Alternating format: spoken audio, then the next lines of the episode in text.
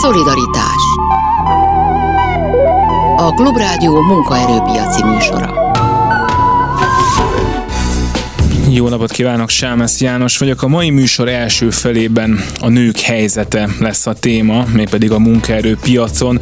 Ennek apropója az, hogy a múlt héten volt a nők elni erőszak megszüntetésének világnapja, de hogy hogyan érinti ez a munkaerőpiacot, és milyen nehézségek, esély, egyenlőtlenségi problémák merülhetnek fel még a munkavilágában a nőkkel, azt már is megbeszéljük, mindjárt kezdünk. Szolidaritás a telefonnál pedig itt van velünk Tóth Balázs, a Helsinki Bizottság jogásza. Jó napot kívánok! Jó napot kívánok! És nagyon beleillik a mai műsorunk tematikájába az a történet, amit tegnap önöktől lehetett olvasni, mi, mi, mi szerint jelentős kártérítést kap egy hölgy, akit korábban egy állami hivataltól azért küldtek el, mert hogy az, és ezt önök fogalmazták meg így, az ismétlődő szülés veszélye fennállt. Tehát tulajdonképpen azért küldték el, mert egy nő volt, aki olyan korba volt, aki akár bármikor vállalhat gyereket. Tehát hogyan nézett ki ez, a, ez az elbocsátás a, a gyakorlatban? Egy olyan hölgyről van szó, aki több éven keresztül egy állami szernél dolgozott, határozott ide jogviszony keretében, amit többször hosszabbítottak.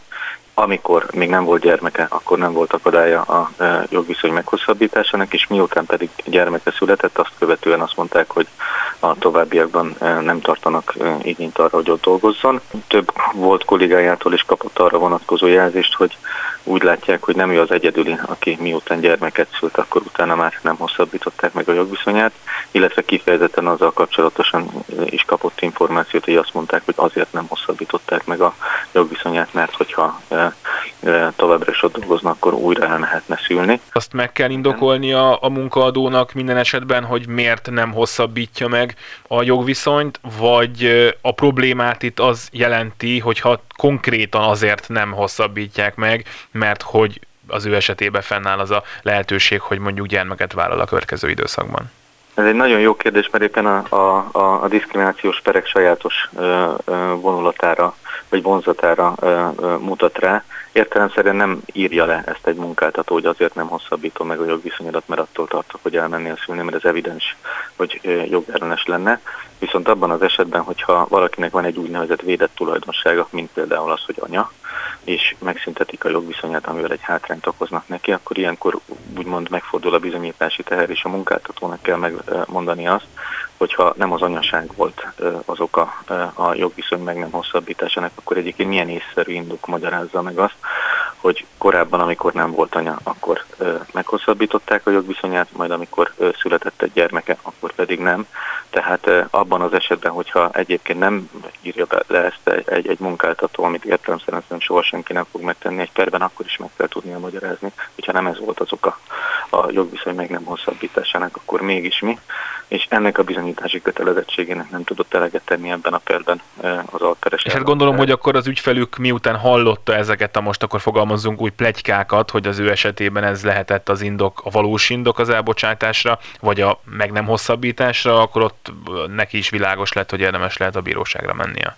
Ez így van, pontosan. Tehát akkor azt mondta, hát, hogyha tényleg ő sem látott semmilyen indokot, a minden minősítése egyébként, ami korábban ugye az állami szernél dolgozókat minősítik, és mindegyik tulajdonképpen kiváló volt, tehát nem, talán nem is volt olyan kategória, amiben, a, nem a legmaga, amiben nem a legjobb minősítést kapta, és azt látta egyébként, hogy azok a kollégák, akiknek nem volt gyereke, illetve akik férfiak voltak, és vele együtt kezdtek, azok továbbra is ezen a munkáján tovább dolgozhattak, míg ő nem.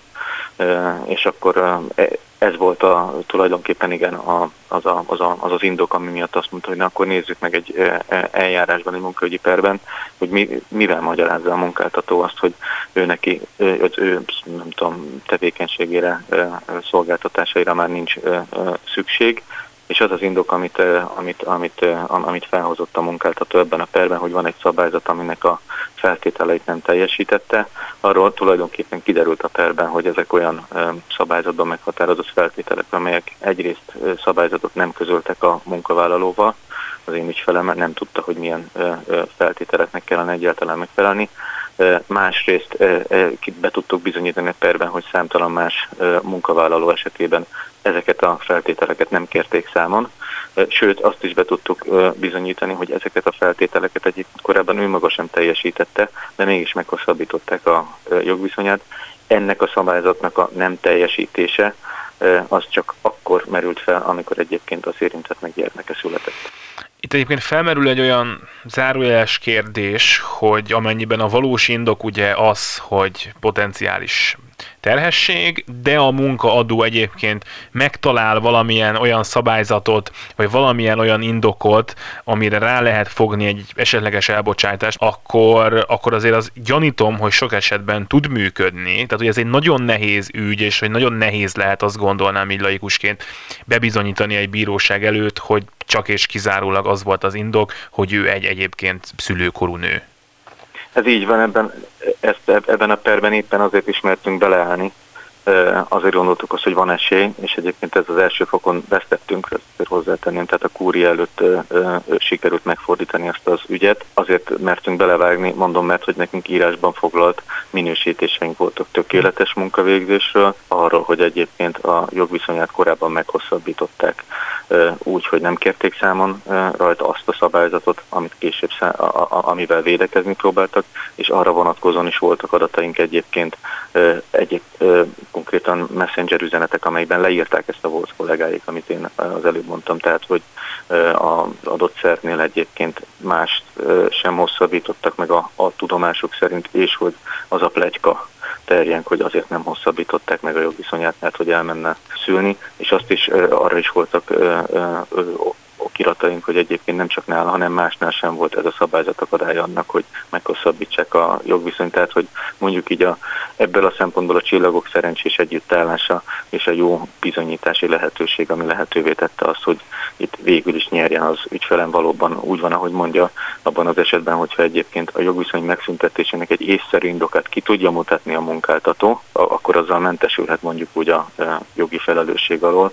Világos, hogyha valaki a saját magatartásával egyébként okot ad a jogviszony megszüntetésére, akkor annak a jogviszonya az egyébként jogszerűen megszüntethető le. Mit most az ügyfelük szempontjából happy end van, csak röviden ennek most vége van, mi a vége? felek a bíróság előtt megállapodtak, és Alteres azt vállalta, hogy összesen 4,7 millió forint kártérítést megfizet a ügyfelemnek, úgyhogy a döntés írásba foglalását követő 15 napon belül, aminek ezen az éven meg kell történnie, megfizeti az ügyfelemnek a 4,7 millió forint kártérítés, és akkor ezzel ez az ügy ebben az értelemben igen happy end lezárult. Tóth Balázs, a Helsinki Bizottság jogásza volt itt, köszönöm szépen. Szolidaritás a témát pedig folytatjuk. Itt van a stúdióban Csernus Fanni, az Amnesty International Magyarország nemek közötti egyenlőséggel foglalkozó munkatársa, a telefonnál pedig Herceg Mária, a Magyar Szakszervezeti Szövetség nőtagozatának vezetője. Mindkettejüknek jó napot kívánok! Jó napot kívánok! És azonosítsuk a problémákat. Itt most a hallgatók hallhattak egy valamit, egy nagyon valószínűleg gyakran előforduló kérdés az a, az a munkahelyeken, hogy na most akkor egy nő szülőkorba lépett, akarjuk-e még őt foglalkoztatni, és hogyha nem akarjuk, akkor, akkor hogyan, most egy csúnyán fog hangzani, szabaduljunk meg tőle. De ebben a, ebben a kérdésben még nők a munkaerőpiacon milyen problémák vannak, amiket azonosítanunk kell itt a beszélgetés elején? Kérdezem először Csernus Fannit. Mi az Amnesty-nél elsősorban a bérszakadékkal foglalkozunk, tehát azzal a jelenséggel, hogy a nők átlagos fizetése alacsonyabb, mint a férfiaké. Ezzel kapcsolatban 2020. március 8-án indítottunk is egy kampányt, az Egy lépéssel közelebb kampányunkat, amiben arra kérjük a hazai cégeket, önkormányzatokat, vállalatokat, hogy hozzák nyilvánosságra a bérszakadékra mutató adataikat. Egyébként ez a kezdeményezés nem egy új keletű dolog, tehát például az Egyesült Királyságban 2000 2017 óta minden 250 főnél több személyt alkalmazó cégnek kötelező évente lehozni ezeket az adatokat. Tehát ez az egyik kezdeményezésünk, az egyik nagyon fontos projektünk, a másik pedig a lépéselőny tréningünk, amit idén dolgoztunk ki, ami pedig kifejezetten a munkahelyi nemi alapú diszkrimináció felszámolásával foglalkozik, és itt itt, itt igazából elméleti és gyakorlati eszközöket adunk azoknak a cégeknek, akik meghívnak minket, arra vonatkozóan, hogy hogyan is tudnak fellépni a szexizmus, munkai szexizmus ellen például. Herszeg Mária? Ó, hát én hosszasan tudnám sorolni. Nálunk ez a bérszakadék 16 óta van napirenden. Indítottunk egy nagy kampányt, talán még emlékeznek rá, készítettünk egy ilyen csonka 100 forintost, egy hiányos 100 forintost, amivel jelezni kívántunk, mint kitűzővel, hogy egyébként 20% ma Magyarországon egyébként a férfiak és nők közötti bérkülönbség, és ugyanezt a nyilvánosságot követeljük évek óta, mindig falakba ütközünk, a munkáltató akkor szeret nyilvánosan toborzás gyanánt bért nyilvánosságra hozni, ha neki az érdeke úgy kívánja, különben rendkívül zárkózottak és konzervatívan állnak ehhez a kérdéshez. Mondom én idéző jelbe a konzervatívot, hiszen semmi nem tiltja meg, hogy a számsort vagy a mediánt nyilvánosságra hozza, az még nem ad okot arra, hogy beazonosítsa a szemét mondjuk a bér kapcsán. Ez egy egyik probléma, de én ettől súlyosabb problémának azt látom, hogy a NER 11. évében gyakorlatilag folyamatosan lebontotta mindazt a védőhálót, ami a gyermekes anyák vagy gyereket vállaló szülőknek járt a munkatörvénykönyvében. És ugye az első riport is arra mutat rá, hogy miközben minden nap halljuk, hogy ez milyen családbarát kormány, amiben élünk, és mennyire támogatjuk a gyerekeket, és mennyire támogatjuk a szülőket, meg azt, hogy megszülessenek ezek a gyerekek, leginkább három szülesen vagy a több, azon közben a munkaerőpiac egyáltalán nem úgy reagál, ahogy ezt a kormány propagálja. És szerintem ez egy óriási gond, probléma ma is, mert kettős szorításban vannak a gyermeket vállalók, hiszen a munkahelyük elvesztését kockáztatják azzal, hogyha felvett csokkot, vagy mindenféle ilyen gyerektámogatás, most nem mondanám végig az összeset, tehát ha ezt fölveszik, igénybe akarják venni, közben akkor belekalkulálhatják az életükbe, hogy az anyuka elveszíti a munkahelyet. Menjünk bele akkor a témákba külön, és kezdjük akkor a, a bérszakadékkal. Itt Csernus van, itt kérdezem, hogy mik a számok, és hogy akkor mondjuk Európai Uniós összehasonlításban hogyan néz ez ki. Én azt szoktam olvasni egyébként, hogy nem feltétlenül rosszul, tehát hogy Magyarország nem áll nagyon rosszul abban, hogy a férfiak és a nők közötti bérszakadés, bérszakadék mekkora, de így van ez. Hát ezért elég riasztó a helyzet.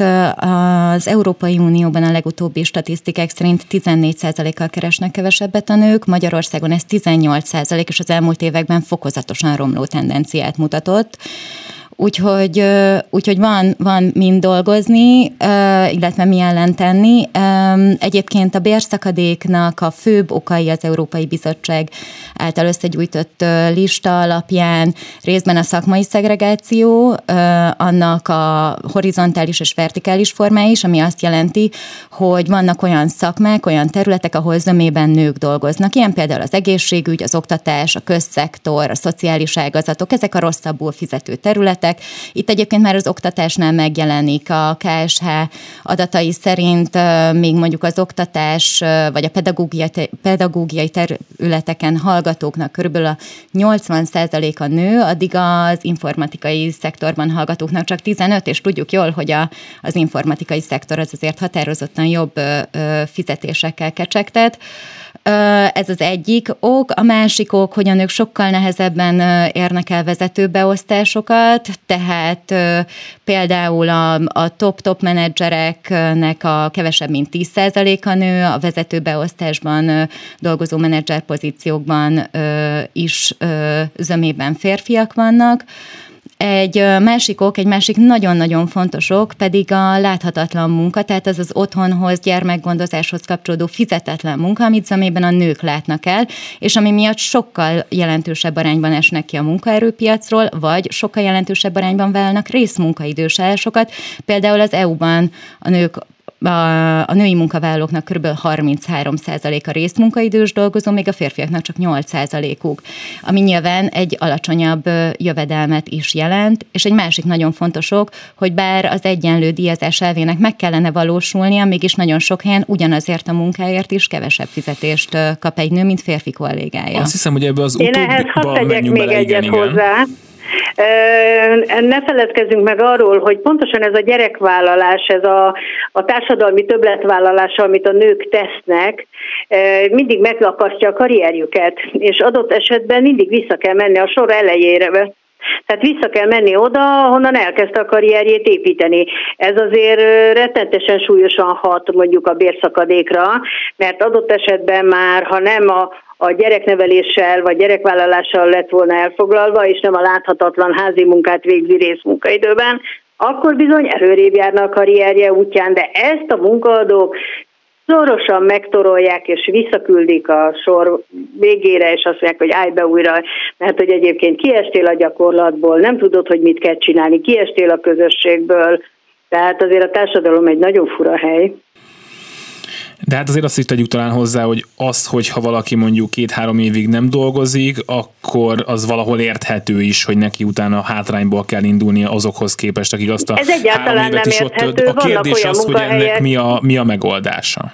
Ez ennek számos megoldása van, nagyon jó példákat látunk a, a versenyszférában, hogy egyébként nem hagyják elmenni, tehát nem esik ki a munkából, minden hírlevelet megkap, a projektekről értesül, értesül arról, hogyha változás van a munkahelyen, bevonják a kismamát, minden rendezvényre meghívják, tájékoztatják, és adott esetben, ha van rá lehetőség, akkor egy-egy részfeladatra vagy projektmunkára behívják. Ezzel is ösztönözve, hogy benn maradjon közöttük, és nem feltétlen kell neki visszamenni az elejére. Hát miért? Hát nem felejtett el bérszámfejteni, társadalombiztosítási törvényt sem felejti el, de a, a tanár se felejti el, hogy hogy kell tanítani, vagy a, mit tudom én, a szociális munkás, vagy az ápoló sem felejti el, hogy mit kell neki három évig csinálni. Hát csak, hogy nekik ugye úgy van, hát hogy is mondjam, a fizetésük, hogy a hány évet dolgozol, úgy megy fölfelé És idő az után. nem dolgozás a társadalomért, hogy egyébként gyerekeket vállal? Hát akkor ugye a válasz talán azt, hogy akkor ez legyen másképpen szabályozva. Hát én azt gondolom, hogy ahol így van szabályozva, hogy nem része, az diszkriminatív, mert ezzel a nő egyébként nem felejt el szociális munkás lenni. Tehát ez, ez mit, mitől esik ki ez a gyakorlatból? Tehát ez, ez azért diszkriminatív. Tehát, hogyha ilyen tapasztal bárki, akkor ezzel jogosan kérje számon, és tegye szóval. Ugye elhangzott itt Csernus Fannitól az, hogy ugyanazért a munkáért is kevesebb bért kapnak adott esetben a nők, mint a férfiak. Egyrészt kérdezem akkor először Fannit, hogy mik erre a bizonyított statisztikák, számok, hogy ez így van. Aztán pedig Herceg Máriától majd a gyakorlati dolgot szeretném megkérdezni, tehát hogy hogyan néz az ki, amikor, amikor bemegy két munkavállaló, egy férfi és egy nő tárgyalni a béréről, és aztán valahogy az a vége, akár már akkor, akár mondjuk azután, hogy ők 5 évet ott dolgoztak ugyanabban a munkakörben, hogy az egyik fizetése az kimutatható a magasabb lesz, mint a másik. Másiké, először akkor Fannit kérdezem. Az EU statisztikák szerint a legnagyobb eltérés a menedzser területen dolgozóknál ö, tapasztalható, 23 százalék. Itt azért nyilván az is benne van, hogy menedzser nagyon sokféle van, tehát ö, itt a döntéshozatalhoz való közelség is egy fontos kérdés. Tehát itt van a legnagyobb eltérés, még mondjuk az ilyen administratív szektorban ott ilyen 6-7 százalék körüli az eltérés az EU statisztikák szerint, és hogy ez hogyan alakulhat ki, hát igazából az a helyzet, hogy, hogy ennek a zéró pontja igazából a nemi normákhoz és szerepekhez horgonyozható le. Tehát az, hogy, hogy egészen fiatal kortól megtanítjuk, vagy megtanuljuk igazából azokat a modelleket, hogy ki miben lehet jó, és hogyan lehet jó, és milyen területeken tud igazából kiteljesedni, ez már erősen csökkenti a lehetőségeket, pláne, hogy általában a nőknek azokat a területeket ajánlják fel, amik kevésbé jövedelmezőek, de egyébként utána ugye, hogy említettem az oktatás területén, de már egyébként egy álláshirdetésnél is vannak olyan statisztikák, amik arra mutatnak rá, hogy a nőket 30%-kal kevesebb esélyük van arra, hogy bejussanak egy állás interjúra. A bértárgyalásoknál is kimutatott tény az, hogy a nők sokszor alacsonyabb bérigényel lépnek fel, mint, mint a férfiak, illetve ne kevésbé is mernek később a karrierjük során béremelést kérni, mint a férfi kollégáik. Ezen kívül a megbeszéléseken is sokkal kevesebb szót kapnak, sokkal ö, könnyebben ö, tolják őket félre, a teljesítményértékeléseknél is rosszabb teljesítményértékelést, illetve ami nagyon érdekes, hogy sokkal szubjektívabb, ö, szubjektívebb ö, értékelést kapnak, mint férfi kollégáik, tehát ilyen homályos, elvont indokokkal ö, támasztják alá az értékelésüket. Tehát ez egy nagyon összetett, összetett probléma, ami igazából már egészen onnantól kezdve elkezdődik, hogy valaki aki kilép a munkaerőpiacra, sőt, még azelőtt. Herceg Máriát kérdezem akkor, hogy hogyan néz ez hát ki én egy gyakorló HRS vagyok, és egyébként azt tapasztaljuk, meg hát a tagozatban szélesen a versenyszférában ott lévén, hogyha kiírnak egy álláshirdetést, és hogy annak egy 70%-ban megfelel egy nő, nem pályázik. Már eleve azt mondja, ez nem nekem való, vagy nem rám iszapták.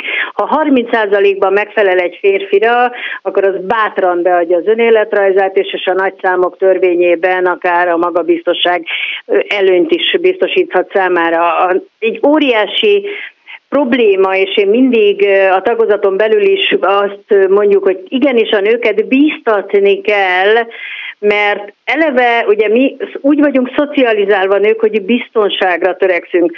Tehát van egy ilyen mondás, hogy a magyar anya a kötényéből is eltartja a családját, most innentől kezdve bemegyünk egy álláshirdetésre, nem elég, hogy nagyon bátortalanul mentünk oda, ráadásul még meg is akarjuk kapni a munkát, és ezért sokkal alacsonyabb bérről kezdünk el alkudni. Ha tisztességes a munkáltató, akkor visszajön a legalább a nullára. Egy, egy férfi, aki bemegy, az eleve jól indul, mert azt mondják, hogy ó, hát ennek családja van, két gyereke, remek, megállapodott, ez nem fog nekem hétfő reggelente másnaposan, négy naposan bejönni, mert hát ez egy komoly ember, és mégiscsak hát azért adjunk neki kicsit többet. Tehát azt kell mondani, és, és a fiúk bátrabban is alkusznak ez ügyben, úgyhogy én minden nőt arra buzdítanék, hogy bátran.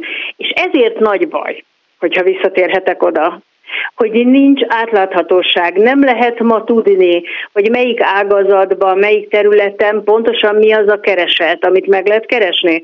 Mert ha ezt tudnánk, és nyilvános lenne, akkor eleve a nőknek a hátránya elolvadna, hiszen pontosan tudná, hogy addig lehet alkudni, vagy az fölé. Hogy mennyit kérhet pontosan. Jön most egy rövid hírek, aztán folytatjuk még ezt a témát Csernus Fannival, okay. az Amnesty International Magyarország nemek közötti egyenlőséggel foglalkozó munkatársával és Herceg Máriával, a Magyar Szakszervezeti Szövetség nőjogi tagozatának elnökével. Hírek jönnek, aztán folytatjuk.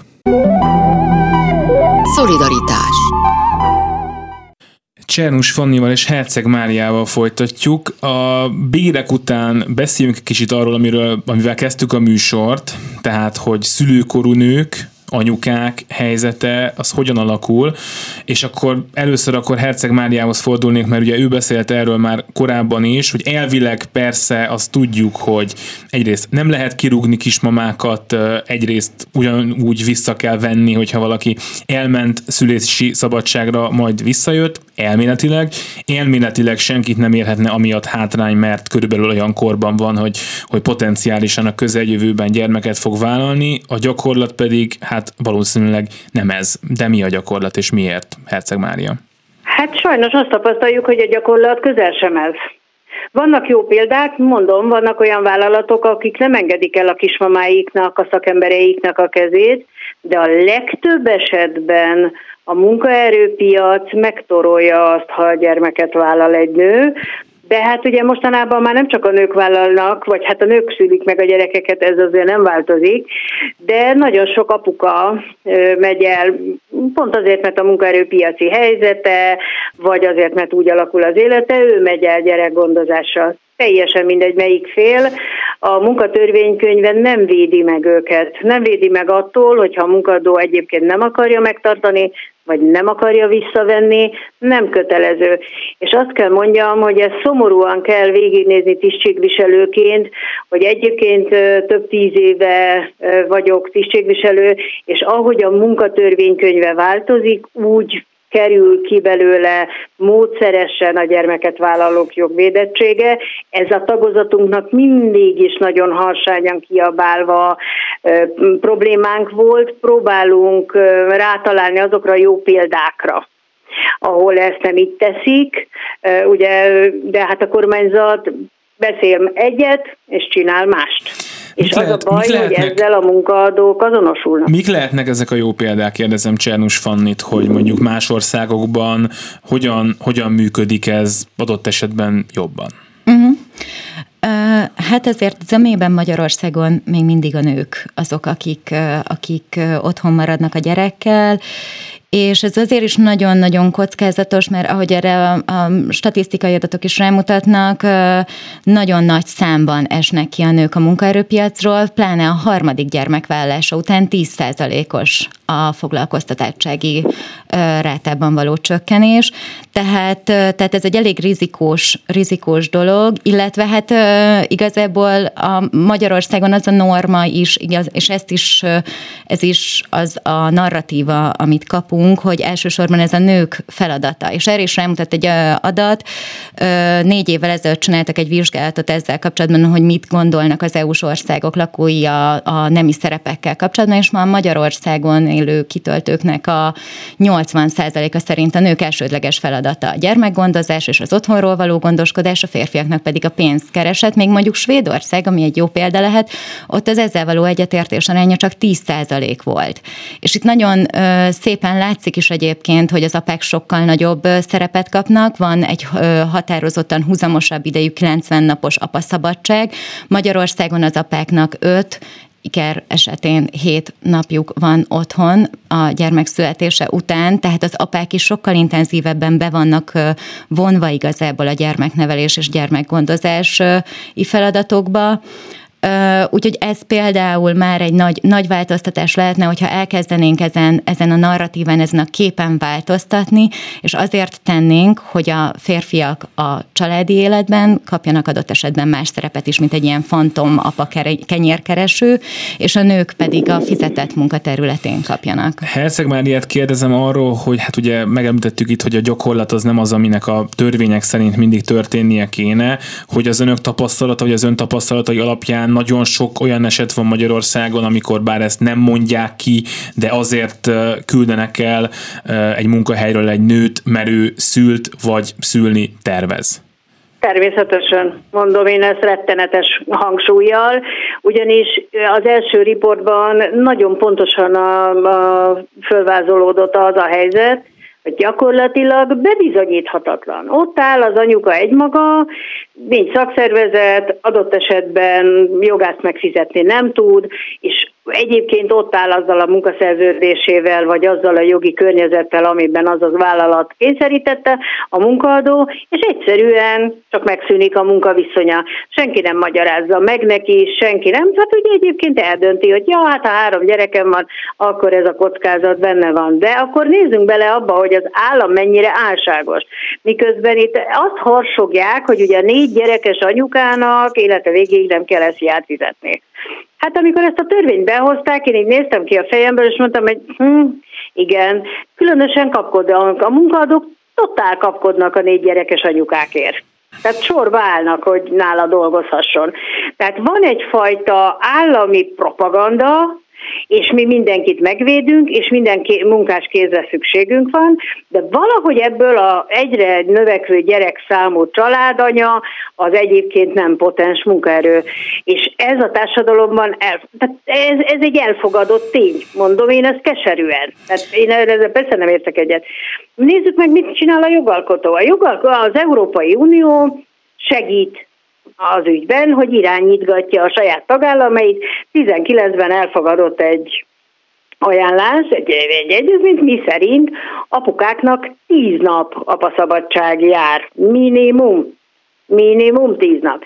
19 óta ez hatályban van. A nőtagozat kampányt indított, csak sajnos keresztbe vágta a Covid járvány, és megakadt ez a dolog, és azóta se tudjuk ezt újraéleszteni, mert ezt a bizonytalanságot ugye le kéne küzdeni, de Magyarországon 19 júniusa óta ahány gyerek megszületett, attól elvettek 5 napot az apukáktól. És egyébként nem akarjuk ratifikálni. 22. augusztus másodikán így ratifikálni kell, mert különben kötelezettségszegési eljárást indítanak Magyarország ellen, de egyébként, amiben nagyon-nagyon sok minden, nem csak ez az apanap, hanem az, hogy egyébként a, a, az apukáknak több lehetőséget, beleszólást kell biztosítani, tehát hogy meg kell osztani ezeket a családi terheket, és ehhez a jogszabályi eh, terelgetés is, hogy úgy mondom, meg lenne. Magyarországon még neki se fogtunk egyébként ennek a jogszabálynak a beillesztésébe, ez a magyar jogsz, jogalkotásba. Voltam 19-ben Vilniusban, és ott már akkor 30 napban ezt megállapították, vagy Németországban. Lassan el fogunk vagy... érni, bocsánat, a beszélgetésünk végére, én még arra szeretnék itt rákérdezni, és akkor Csernus Fanninál, hogy hát elhangzott itt az, hogy a munkatörvénykönyvének adott esetben módosítása, vagy komolyan vétele, az sokat segítene, de én azt érzem így a beszélgetésből, hogy egyrészt a nyilvánosság, másrészt általában a hozzáállásnak a, az alakulása már nagyon sokat dobhatna a nők helyzetén a munkaerőpiacon, nem csak a törvényhozónak van ezzel feltétlenül dolga, tehát hogy mi, mi, mi lehet most ez egy nagyon bonyolult kérdésre kérek egy viszonylag egyszerű és gyors választ, a megoldás.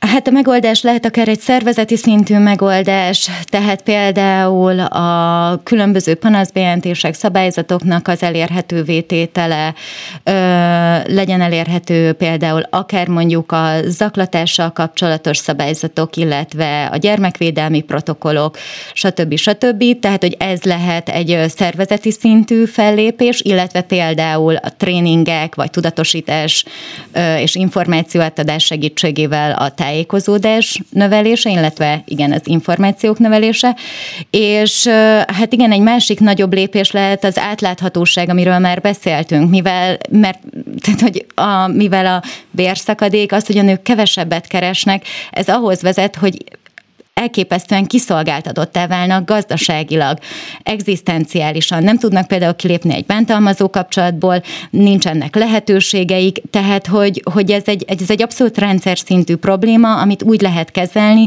hogyha átláthatóvá tesszük magát a problémát, annak okát, mértékét, és egyébként tehetünk érte akár egyéni szinten is, mert most indítottuk el a petíciónkat, amiben szeretnénk elérni azt, hogy Magyarországon is törvényileg kötelező legyen legyen a cégeknek nyilvánosságra hozni ezeket az adatokat.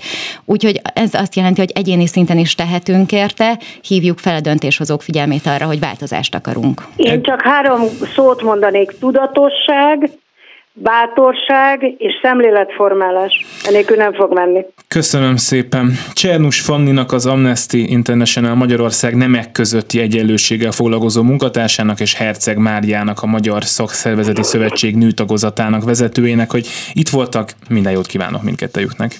Köszönjük, Köszönjük szépen. szépen. Szolidaritás és folytatjuk egy másik, de olyan témával, aminek hát talán azért valami köze van az előző témánkhoz, ez az európai minimálbér témája, és itt van velünk Andor László köz, közgazdász, az Európai Bizottság korábbi foglalkoztatásért, szociális ügyekért és társadalmi összetartozásért felelős biztosa. Jó napot kívánok! Jó napot kívánok! Az európai minimálbér, aminek a tárgyalása most már ott tart, hogy az Európai Parlament, az Európai Tanács és az Európai Bizottság végső egyeztetése indulhat el tulajdonképpen lassan erről, de szerintem nagyon sokan még mindig nem tudjuk azt, hogy egészen pontosan mire gondolunk akkor, amikor európai minimálbérről beszélünk. Nyilvánvalóan nem arra, hogy majd holland meg, meg belga minimálbér lesz Magyarországon, mert az nem lesz, de akkor mire számíthatunk ettől a szabályozástól? Így van, ez egy nagyon fontos tisztázandó kérdés és ha jövő héten a miniszterek tanácsa is úgy dönt, akkor valóban ez a végső egyeztetés, ez a végjáték elkezdődhet. Valóban nem arról van szó, hogy holland vagy belga szintre ugrana mondjuk a magyar vagy a bolgár minimálbér, de arról igen, hogy se Magyarországon, se Romániában nem maradjon el a minimálbér túlzottan az átlagbértől, vagy a mediánbértől, mint ahogy Belgium vagy Hollandia ezt a kérdést jobban meg tudja oldani. Tehát igazából um, ugye a, a, az alacsony bérek leszakadása, um, mint súlyos problémát tanulmányozta hosszabb ideje az Európai Bizottság és hát más érdekeltek, beleértve az uniós szintű szociális partnereket, és ugye azt fedezték föl, hogy ahol nagyon gyenge a kollektív alkó, ahol nagyon gyenge a három oldalú érdekegyeztetés, hogy sokkal nagyobb az elmaradás az átlagbértől, és a munkavállalói vagy dolgozói szegénység is sokkal nagyobb mértékű. Tehát a fő cél ennek a kiküszöbölése, és hát összegyűjtöttek jó néhány olyan cselekvési lehetőséget, amit ebben az uniós irányelvben próbálnak most elfogadni. Mi az, ami ön szerint ebben reálisan a közeljövőben létrejöhet? Már csak azért is vagyok ebben szkeptikus, mert egyrészt azért nyilván a tagállamok azt, hogy ők milyen bért adnak, vagy írnak elő minimálisan, azt hogyan adóztatják, ezt is szeretik maguk intézni nagyon sok esetben. A másik pedig az, hogy hát, hogy is mondjam, előírhat az Európai Unió mindenféle egyeztetést egyeztetési kötelezettséget szakszervezetekkel, de hát azért meg lehet azt úgy sajnos oldani, hogy jó, persze egyeztettünk, elmentünk, ők mondtak valamit, aztán mi megcsináltunk valami egészen mást. Itt most nem arról beszélek, hogy itthon ez így történik, vagy nem, hanem hogy azért ez egy, ez egy nagyon nehéz dolog ezt központilag szabályozni szerintem, de kíváncsi vagyok, hogy ön szerint is így van ez. Így van, senki nem mondja azt, hogy könnyű, és az is igaz, hogy van néhány tagország, belérve Magyarország jelenlegi kormányát, amelyik nem szimpatizál ezzel a kezdeményezéssel, de kiemelném, hogy Németország új kormánya egyértelműen letette a garast a minimálbér koordinációs kezdeményezés mellett, és most következik a francia elnökség, és Emmanuel Macron is már hosszabb ideje ugye jelezte, hogy ez számára nagyon fontos, mert ők az úgynevezett szociális dömping elleni küzdelem fontos részének tekintik ezt a jogalkotást. Tehát ennek a jelentőségét ugye ebből a szempontból kell fölmérni, és hogyha Franciaország meg Németország kormánya valamivel egyet szokott érteni, ez igazából önmagában még nem automatikusan vezet egy döntéshez, de azért az esélyeket jelentősen javítani tudja.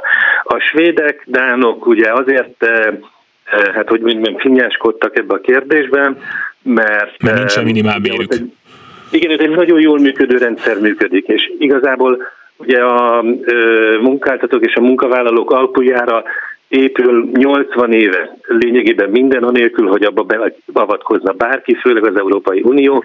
Tehát igazából legyünk őszinték, ugye ők a hátuk közepére kívánták ezt a jogalkotást, de mivel nem arról szól, hogy az Unió megmondana egy konkrét szintet, hanem igazából ösztönzi a többieket arra, hogy közelítsenek a magas szintű kollektív alkú általi lefedettség eh, állapotához, ezért úgy tűnik, hogy a nyitottság Ausztriában, Dániában is talán érlelődik most már ebbe az irányba.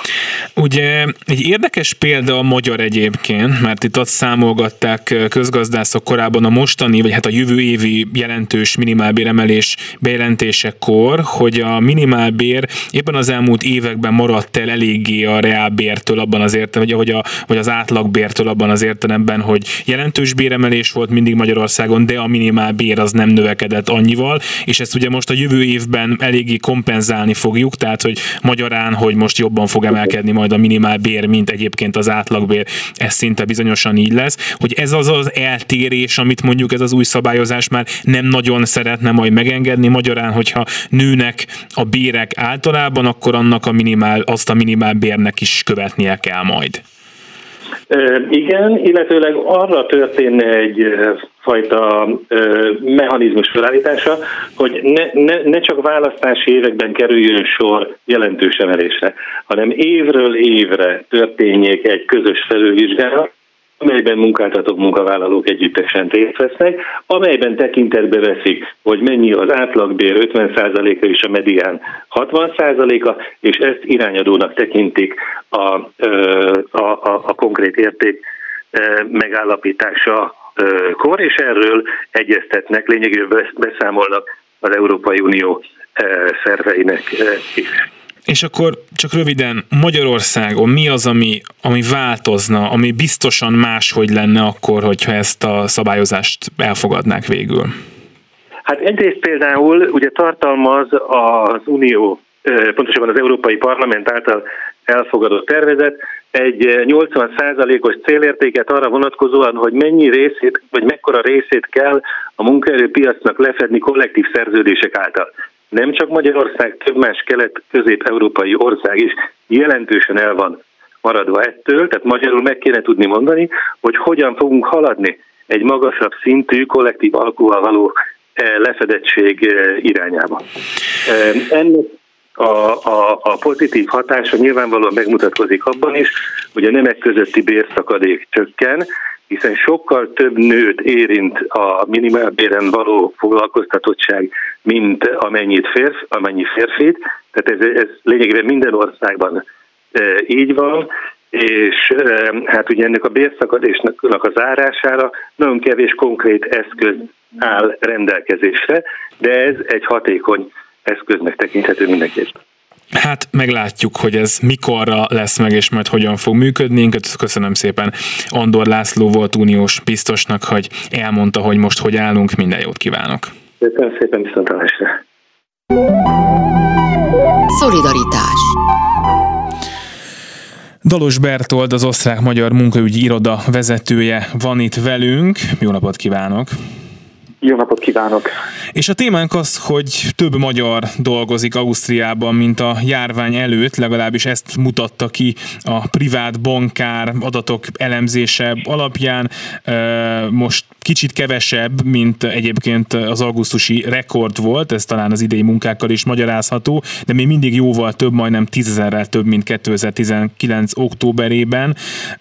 Ez akkor azt mutatja nekem, és hát gondolom önnek is, hogy a járvány nem igazán akadályozta hosszú távon azt, hogy Ausztriában magyarok munkát vállaljanak. Most visszatért minden tulajdonképpen a régi kerékvágásba, megyünk oda dolgozni, mert már tudunk menni?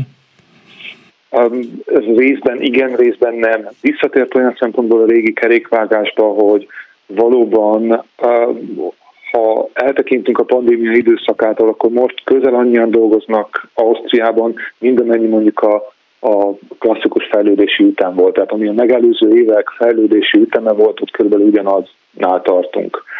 Ami viszont a pandémia, ami változást okozott, az az, hogy ez a szokásos fejlődési ütem, ez olyan évi 4-5-6 százalék, eh, amivel évente, amennyivel több magyar dolgozik Ausztriában, ez volt jellemző 2017, 18, 19.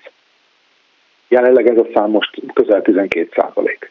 Tehát itt látszik, hogy úgymond egy, egy lemaradást hoz, uh, hoznak be, hiszen most úgymond azok a munkavállalók, akik elvesztették a munkájukat, és ez egy hónapon belül volt a pandémia első hónapjában 23 ezer, uh-huh. azok kerülnek most vissza a munkaerőpiacra. Tehát úgymond most egyenlítődik ki, még mindig egy nagyobb fejlődési ütem van, mint ami a megszokott, de valószínű, hogy az jövő évre, vagy legalábbis remélhető, hogy jövő évre ez beáll. És hát bizonyára, bizonyára lehetnek olyanok is, akik mondjuk tavaly terveztek volna kimenni Ausztriába dolgozni, de ezt már nem tehették meg, és ők meg aztán például idén mennek ki, ezt, ezt se tartanám egy, ilyen, egy olyan tényezőnek, ami nem okozhatja azt, hogy most, most jobban nő ez a szám. Igen, az, hogy a gazdaság fejlődik, tehát a munkaerőpiac bővül, ez, ez természetesen ez, ez nem csak a, az osztrák munkavállalókra vonatkozik, hanem külföldiekre. Tehát ez ugyanúgy megosztik, és természetesen nagyon sok külföldiek számára is ugyanúgy vonzó Ausztria. És ahogy van plusz munka lehetőség, úgy természetesen ezek egy részét külföldi munkavállalók, például magyar munkavállalók töltik be Ausztriában azt, azt hogyan látja, mit okozott a pandémia így rövid távon azoknak a magyaroknak, akik Ausztriában dolgoztak? Ugye itt említette, hogy hát nagyon sokan persze elvesztették a munkájukat. Ez mennyire magától érthetődő egyébként, hogy nagyon sok esetben ők lehetnek az elsők, akik egy ilyen helyzetben elveszítik a munkájukat, tehát a külföldre érkező dolgozók, például a magyar dolgozók, és hogy mennyiben befolyásolhatja ez most a munkavállalást, amikor hát még mindig egy olyan időszakban vagyunk, amikor a fene se tudja, hogy, hogy két hét múlva, egy hónap múlva, fél év múlva éppen milyen járványhelyzet lesz, és milyen boltokat, üzleteket, szolgáltatásokat kell mondjuk bezárni. Um, igen, a magyar munkavállalókat uh, nyugodtan mondhatjuk, hogy jóval erőteljesebben érintette a pandémia, illetve a, a, ott az első hónapokban a, az elbocsátások, mint más munkavállalókat nem csak az osztrákokkal összevetve, hanem például a román munkavállalókkal összevetve is. És azt hiszem, hogy ennek egy jelentős oka az, hogy a magyarok közül nagyon sok az ingázó. Tehát egyrészt kockázatot jelentettek a határon való átjutásnál, hiszen az első napokban azt sem lehetett biztosan tudni, hogy a határon a határok átjárhatók maradnak-e. Tehát, hogy bejönne dolgozni tehát, reggel a kolléga, egy, igen. Így van, tehát egy, egy, egy naponta vagy hetente ingázó kolléga ott abszolút bizonytalansági tényező volt, és, és ott a, úgymond a magyarokon csattantott az ostor. Tehát ott az ingázók ezt nagyon megérezték, de ami szintén látszott az az, hogy a, a pár napon belül bejelentett Kurzarbeit intézkedéseknek a hatása olyan szempontból meg lett, hogy, hogy ott nagyon hamar kiegyenlítődött. Ezt mi is, tanult, mi is tapasztaltuk a tanácsadásban, hogy számunkra is egy, egy rendkívül megrázó helyzet volt, hogy naponta 100 150 hívást kaptunk, ahol, ahol a munkavállalók uh, hívtak bennünket, hogy hát elveszítették a munkájukat, közös megegyezést uh, irattak alá velük.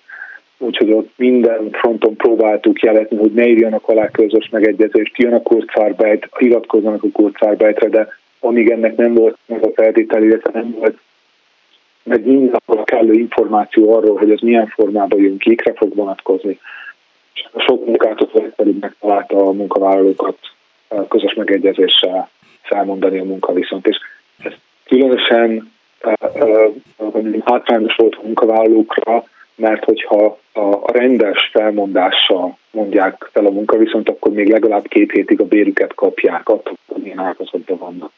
Közös megegyezésnél azonnal teszünk meg a munkaviszont. Természetes, hogy a munkavállalókat ígérték azt, hogy visszaveszik őket, és emiatt a legtöbben aláírták, de hát ez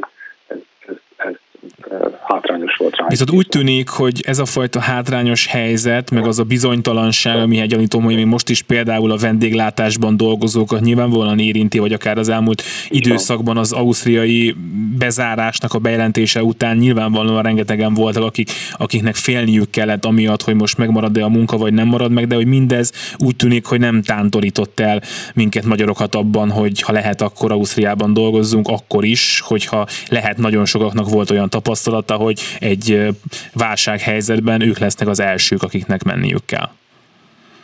Igen, sajnos a, a legfőbb érv még mindig az ausztriai munkavállalás mellett a magasabb bérek.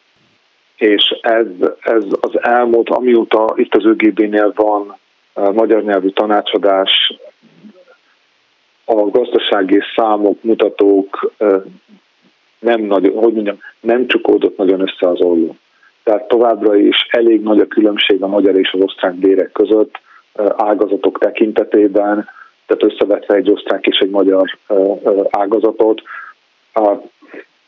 Ugye itt az előzőben szó volt a kollektív szerződésekről, hogy Ausztria ilyen tekintetben 98%-ban lefedett kollektív szerződésekkel. Wow, Tehát Ausztriában a dolgozók 98%-a kollektív szerződéssel van foglalkoztatva, ahol minden évben meg van határozva az, hogy, hogy tehát minden évben újra tárgyalják, és, és uh, minden évben béremelés. Egyedül a pandémia évében volt az, hogy, hogy nem volt béremelés, csak reálbér megtartás.